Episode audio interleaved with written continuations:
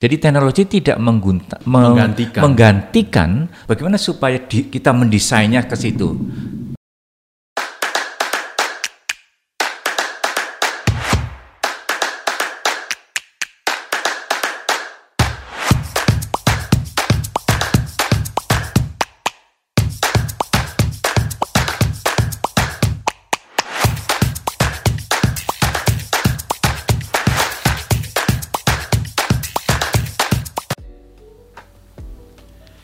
Kembali dengan TLC kali ini uh, Teaching and Learning Center Universitas Putra uh, dengan Luki di sini akan membahas sesuatu yang saat ini sangat dibutuhkan di pembelajaran yang terjadi di Indonesia yaitu experiential learning atau pembelajaran berbasis pengalaman. Di depan saya ada narasumber yang cukup kompeten di sini, uh, Bapak Dwi Sunu Februanto. Selamat siang Pak Sunu. Selamat siang Pak Luki. Um, kami akan membahas apa sih experiential learning itu dan mengapa itu dibutuhkan di era sekarang dan bagaimana penerapannya. Pak Sunu, uh, kita tahu bahwa di era pandemi ini banyak yang bingung model pembelajaran apa yang pas begitu.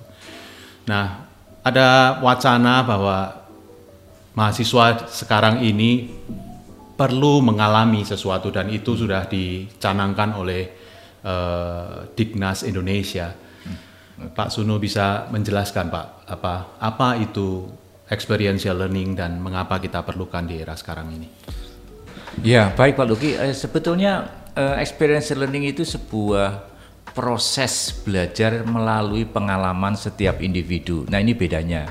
Jadi kalau du, uh, dulu ada suatu pertanyaan begini, kenapa kau orang belajar itu harus melalui apa yang ditulis orang dan apa yang dikatakan orang? Hmm. Nah, mengapa tidak melalui bahwa setiap orang itu mengalami sesuatu dan pengalaman itulah menjadi suatu proses belajar. Nah, itu experience learning. Nah, ini konsekuensinya adalah belajar itu menjadi sesuatu pengalaman individual jadi sama-sama kita menikmati teh ya Pak Luki ya. Iya.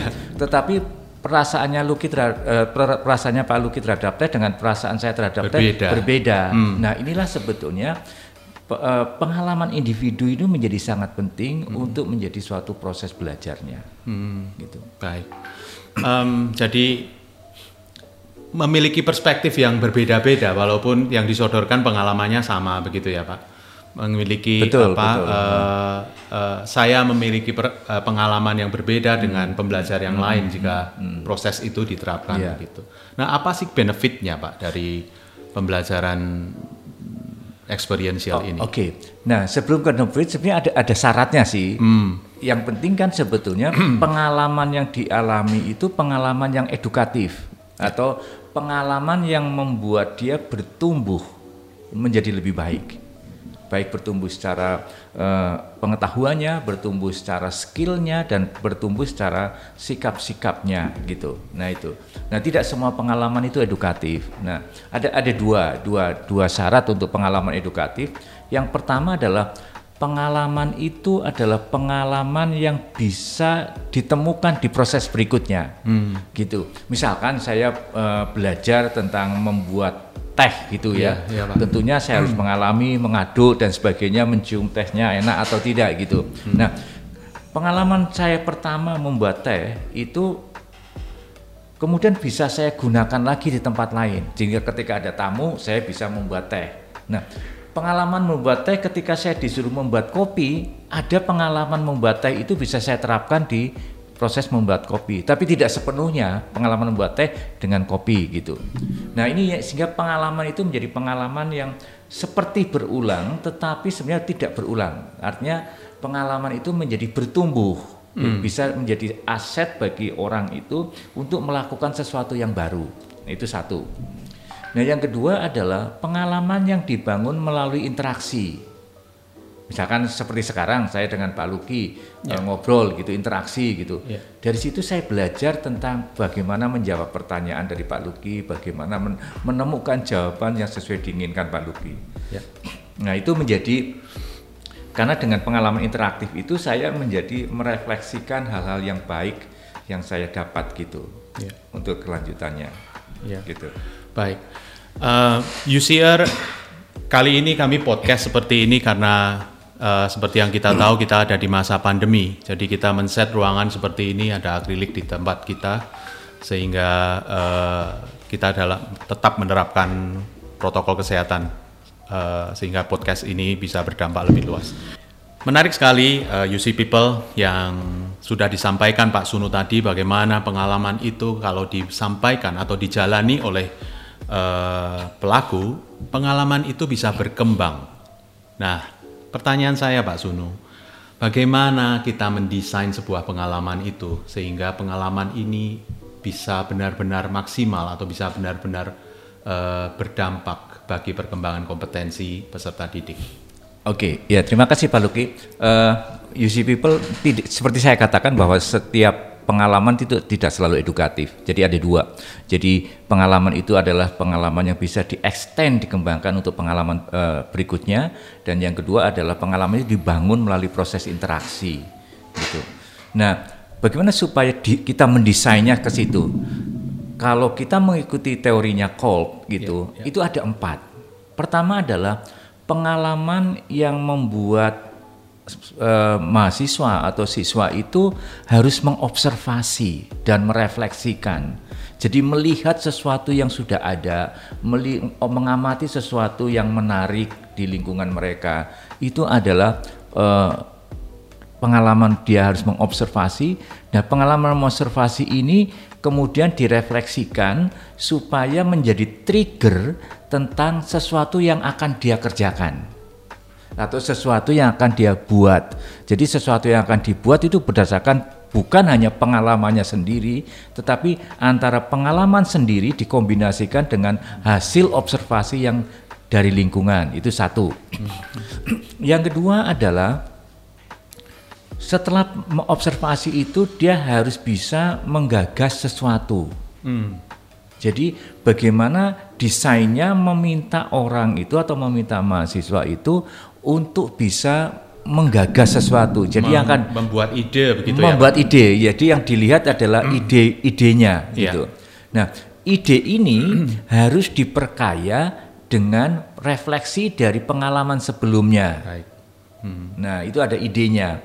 Nah, yang tahap ketiga adalah tahap di mana ide ini harus diaktualisasikan atau dieksperimenkan untuk menemukan sesuatu yang penting untuk dikerjakan. Nah, ini menjadi pengalaman dia dari mulai membuat ide sampai menerjemahkan ide ke dalam sebuah action, di, me, mengeksperimenkan apa yang mau dikerjakan. Nah, ketika sudah menemukan oh ini yang baik, ini yang berharga, ini yang penting itu. Nah, yang penting itu buat siapa? Nah, ini menarik buat yang penting buat orang lain yang dituju gitu loh. Atau yang penting buat masyarakat tertentu. Nah, karena kita bisa menghasilkan sesuatu e, bagi masyarakat, maka masyarakat akan menghargai kita. Hmm. Nah, setelah idenya ketemu baru dieksekusi.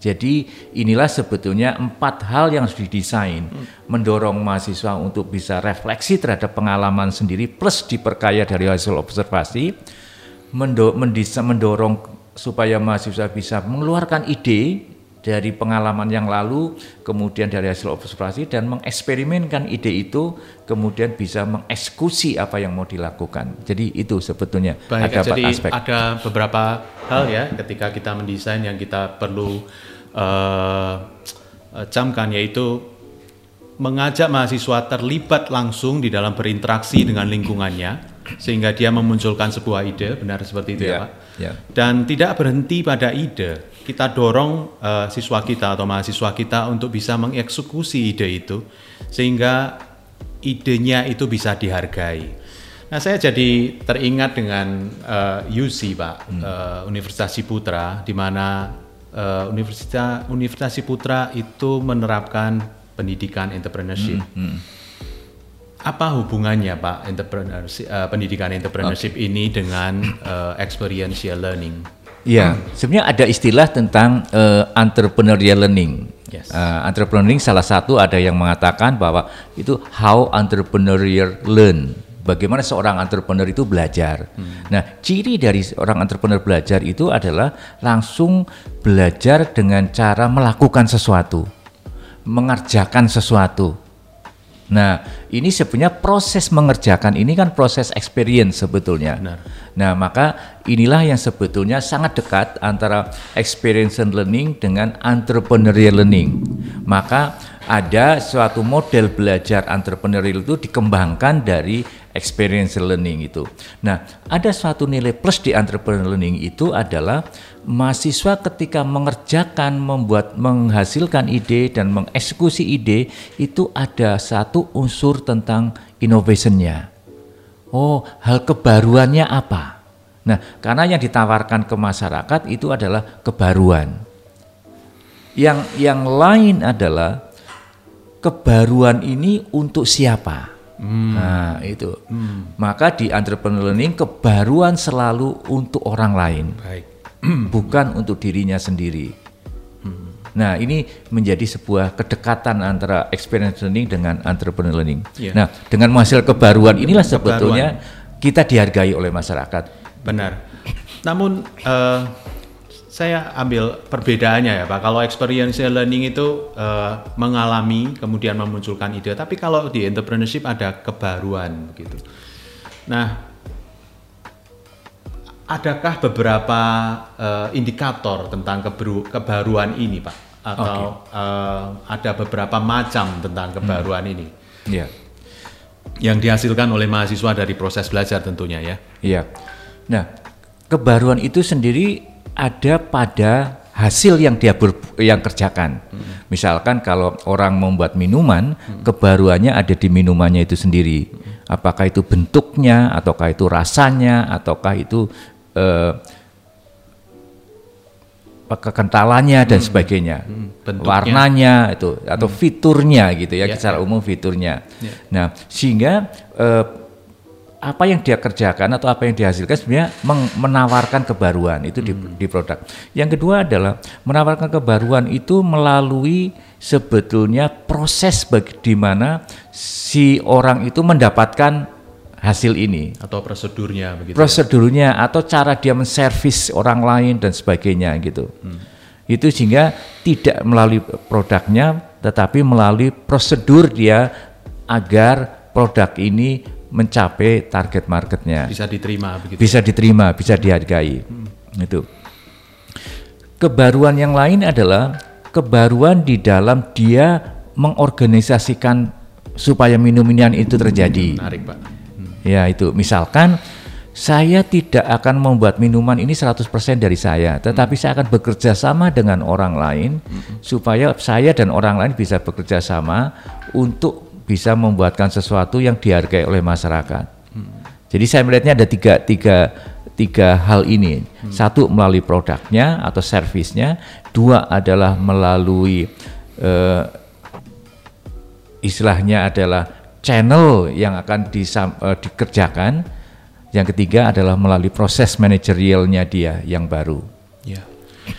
Nah Pak Sunu, uh, di era sekarang ini teknologi sudah mulai masuk Pak. Hmm apakah experiential learning dan entrepreneurial learning ini uh, bisa disupport ya dengan kehadiran teknologi begitu dan hmm. kira-kira uh, ke depannya seperti apa teknologi ini akan berperan? Nah ini jadi eh, kembali lagi di, di, di edukasi sebetulnya kan teknologi itu hanya sebagai tool atau support, support. system.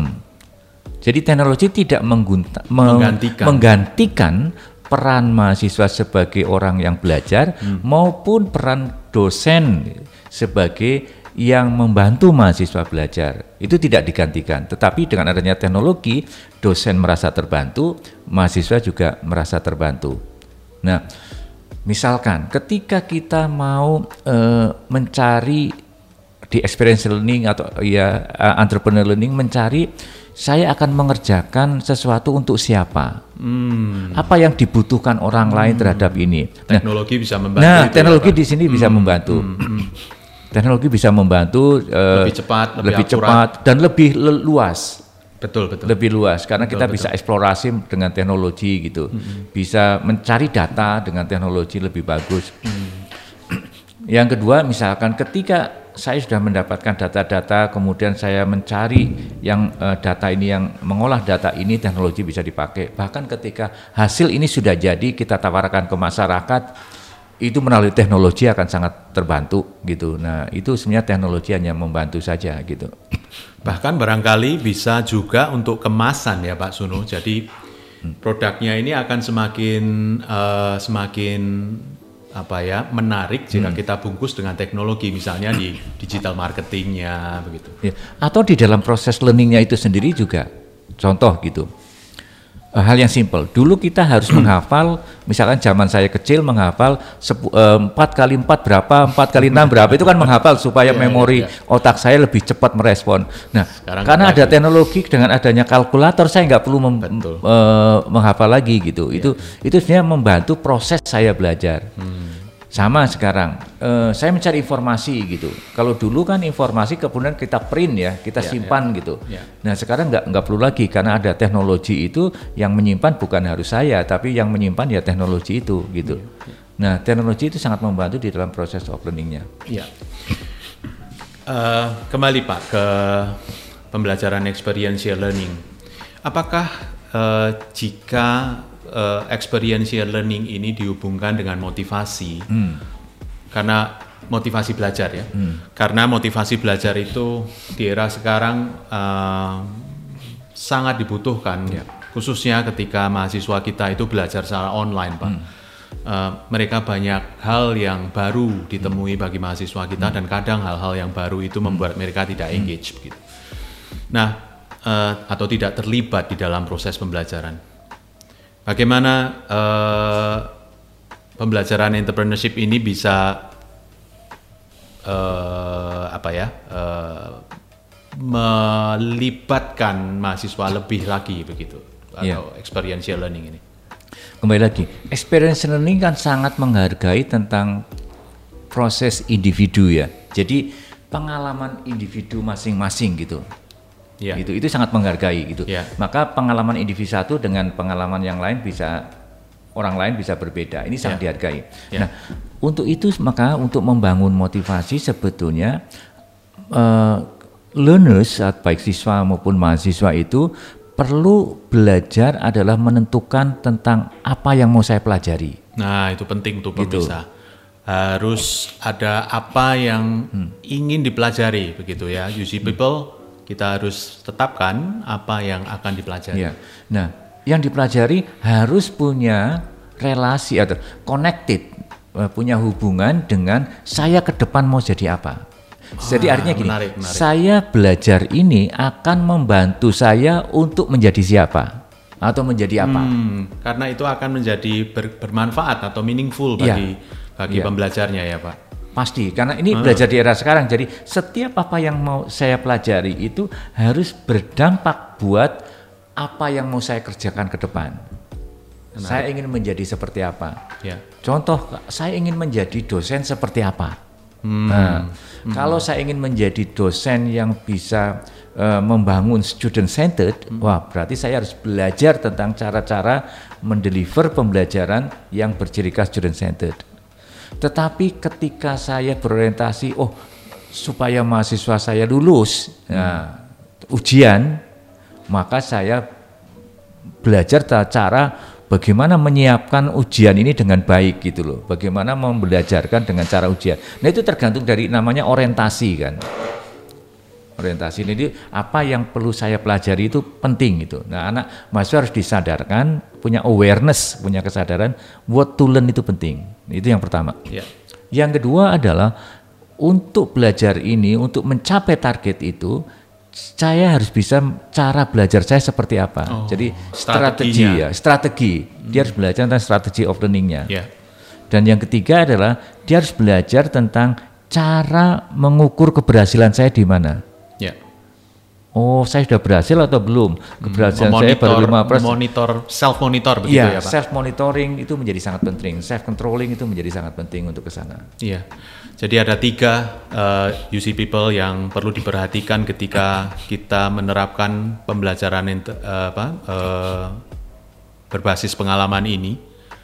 Yang pertama itu mem membentuk identitas dengan mereka menetapkan goalnya atau target belajarnya. Kita juga mendorong mahasiswa kita untuk bisa menerapkan strategi belajarnya seperti apa. Dan yang terakhir yang tidak kalah pentingnya adalah menetapkan standar pencapaiannya. Begitu. Begitu, Pak. Ya, ada okay. ada hal lagi yang barangkali perlu diperhatikan untuk sehingga mereka bisa lebih engage begitu. Iya. Nah, ini sebetulnya di, di, kembali ke aspek tentang apa yang perlu dipelajari. Nah, ini kadang-kadang ada suatu perbedaan persepsi bagi uh, dosen pengajar. Mereka sudah punya bahan-bahan materi yang akan diajarkan. Asumsinya ini penting, ini penting, ini penting gitu ya. Jadi kan, banyak begitu jadi ya, banyak. Pak? Nah, itu. Tapi bagi mahasiswa Enggak. Karena wotulnya orientasinya semuanya. berbeda betul, gitu. Nah, betul. ini yang perlu ada terjadi proses sinkronisasi hmm. tentang hal itu. Nah, itu yang yeah. perlu didalami bagaimana memilih-milih materi yang dipelajari sesuatu yang relevan dengan kebutuhan uh, mahasiswa itu. Betul. Jadi kalau bisa disimpulkan uh, perencanaan menjadi krusial begitu ya, menjadi sesuatu yang harus yeah. dilakukan sehingga kita bisa menyodorkan sesuatu kepada mahasiswa kita, uh, sesuatu yang di, memang benar-benar dibutuhkan, ya. bukan hanya ini penting, ini penting, ini penting bagi kita, Betul. tetapi orientasinya kepada mahasiswa. Mereka saat ini membutuhkan hmm. apa? Okay. Um, uh, nah, experiential learning ini kalau kita ngobrol tentang pembelajaran UC People itu uh, bagaimana ya menilainya begitu ya. Hmm. Karena konteks kita adalah belajar melalui pengalaman, tetapi bagaimana penilaiannya begitu. Hmm. Kira-kira bagaimana ya Pak Sun? Nah, karena ini basisnya pengalaman ya, nah. maka sebenarnya yang dinilai adalah ketika proses mengalami hmm. itu menjadi sangat penting untuk dinilai. Hmm. Dan hasil dari proses itu sendiri Nah, itu maka dibedakan. Apakah mahasiswa ketika menjalankan proses ini, misalkan contoh, satu mahasiswa menjalankan proses ini karena berdasarkan instruksi saja. gitu, dia menjalankan sesuatu berdasarkan instruksi gitu. Ikut aja ikut gitu. Ya. aja gitu. A ya A, B ya B gitu.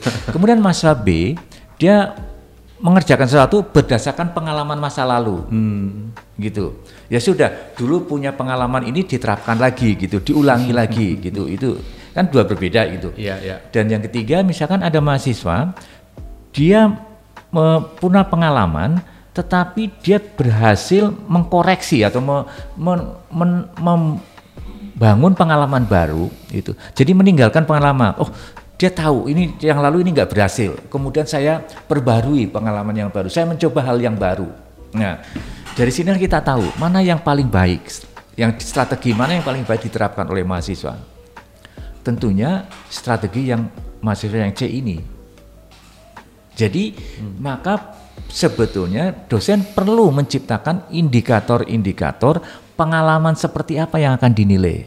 Oh, gitu. Baik, Pak. Ya, Apakah ya, ya. pengalaman itu hanya mengulangi pengalaman lalu, ataukah pengalaman itu hanya berdasarkan instruksi, ataukah pengalaman yang dibangun oleh mahasiswa oleh mahasiswa sendiri berdasarkan hmm konsep-konsep hal-hal baru yang dia pelajari. Baik. Nah, ya, itu kriteria-kriteria ini perlu dibuat. Baik, Pak. Itu satu. Nah, ya. kemudian Dan yang C tadi ya, yang ya. terakhir tadi ya. Yang terakhir itu. Yang terakhir ini yang yang, menarik, yang menarik. Ya. Maka kalau kita menggunakan kriteria rubrik hmm. di dalam rubrik maka di rubrik itu harus dicantumkan. Hmm. Jadi pengalaman-pengalaman apa yang akan paling dihargai? Pengalaman baru apa yang akan Pengalaman dihargai? baru apa yang akan Kemudian yang kedua adalah hasil dari itu pengalaman itu sendiri. Hmm. Apakah pengalaman yang baru ini akan menghasilkan sesuatu yang baik atau enggak? Menarik, nah, Kriteria baik itu harus diterjemahkan ke dalam uh, hal apa yang kita tuntut dari mahasiswa gitu. Ya.